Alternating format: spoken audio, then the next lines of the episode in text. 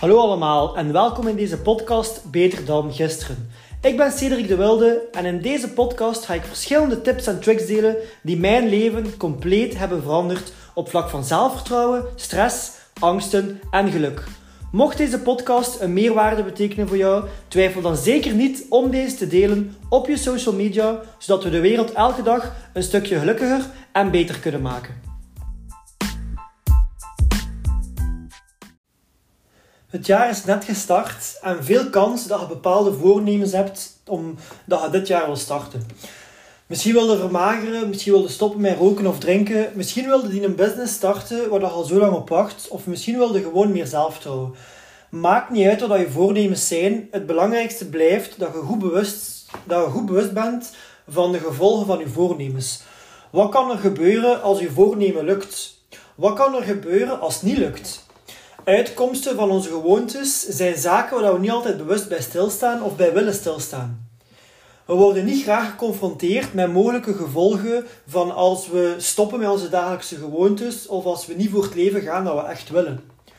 Wat voor mij altijd een confrontatie of net een goed gevoel geeft, is het besef dat hoe mijn leven er vandaag uitziet op dit moment een gevolg is van de keuzes die dat ik afgelopen jaar heb gemaakt. Zijn je niet blij met hoe dat je leven er vandaag uitziet? Of zijn er bepaalde zaken waar dat je aan frustreert? Veel kans dat je dan de verkeerde keuzes hebt gemaakt of dat je bepaalde gewoontes hebt die je leven niet per se beter maken. Dus voordat we verder gaan, is het eerst belangrijk om een keer goed te reflecteren op 2023. Welke keuzes hebben uw jaar het meest beïnvloed? Welke gewoontes heb je aangeleerd? Of welke gewoontes hebben misschien een negatieve invloed gehad op je leven? Welke gewoontes hebben ervoor gezorgd dat je vandaag in de situatie zit waar je in zit? En dat kan goed of slecht zijn. Zelfbewustzijn is zo belangrijk. Dus je kunt het altijd een keer op pauze zetten en 2023 in kaart brengen. Goede keuzes en slechte keuzes. Goede gewoontes en slechte gewoontes.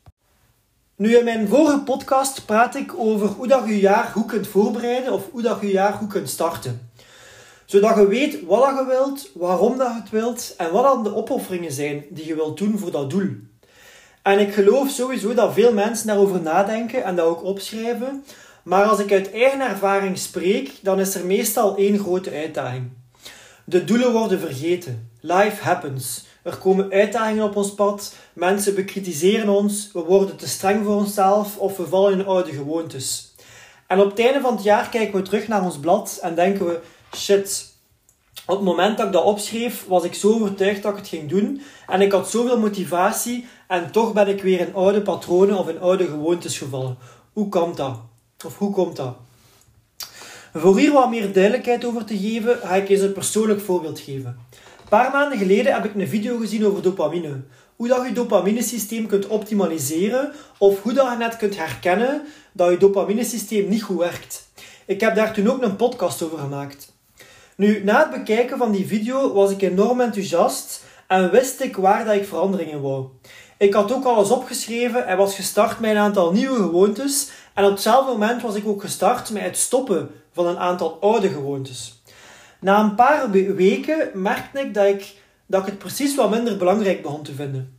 Mijn oude versie kwam weer opduiken en ik trok mij weer naar oude keuzes en oude gewoontes. En ik voelde dat mijn oude zelf weer aan het winnen was tegenover mijn toekomstige zelf. En toen ontdekte ik iets dat voor mij enorm goed werkte. En dat gaf mij weer een enorme boost. En ik zie dat ergens als een turbo. Vroeger hadden ze van die racepelletjes. En je kon dan met je autootje over zo'n turbo, een turbopaneel rijden, waardoor dat je voor enkele seconden een turbo kreeg en veel sneller reed. Maar daarna remde je weer af naar normale snelheid of je moest opnieuw over zo'n turbopaneel rijden. En ik heb ontdekt wat mijn turbopaneel is.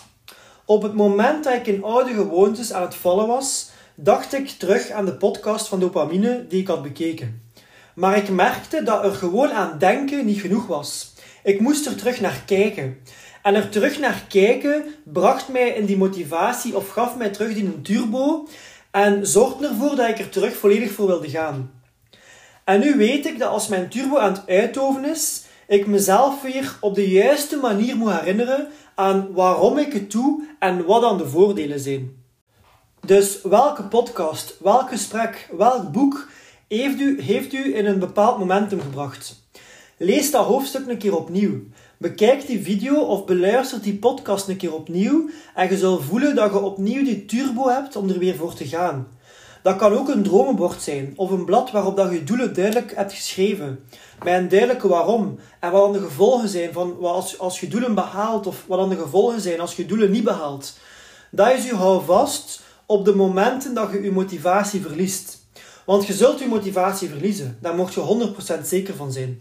Dus de beste tip die ik u kan geven voor 2024, nadat je je doelen natuurlijk weet, of dat je weet welke verandering dat je wilt, is die houvast creëren waar, het naar, waar, waar dat je naartoe, terug naartoe kunt gaan. En zoals ik al zei, kan, kan dat een video zijn, dat kan een boek zijn, dat kan een dromenbord zijn, een podcast of een blad waarop de alles staat geschreven, zoals ik daarnet zei.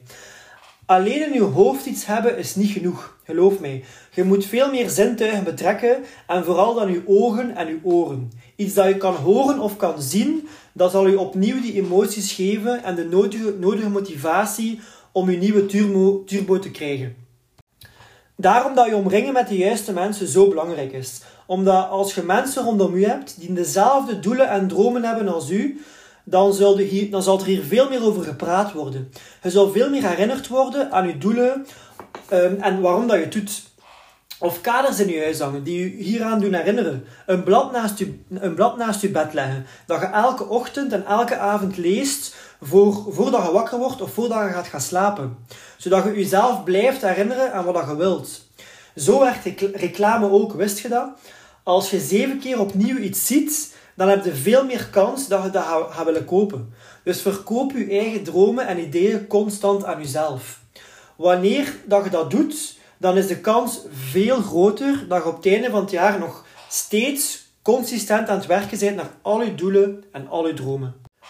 En dat is iets dat je in je eigen handen hebt en dat niemand voor u kan doen. Dus stap 1, weet wat je doelen zijn, schrijf alles op zoals ik in de vorige podcast ook zei.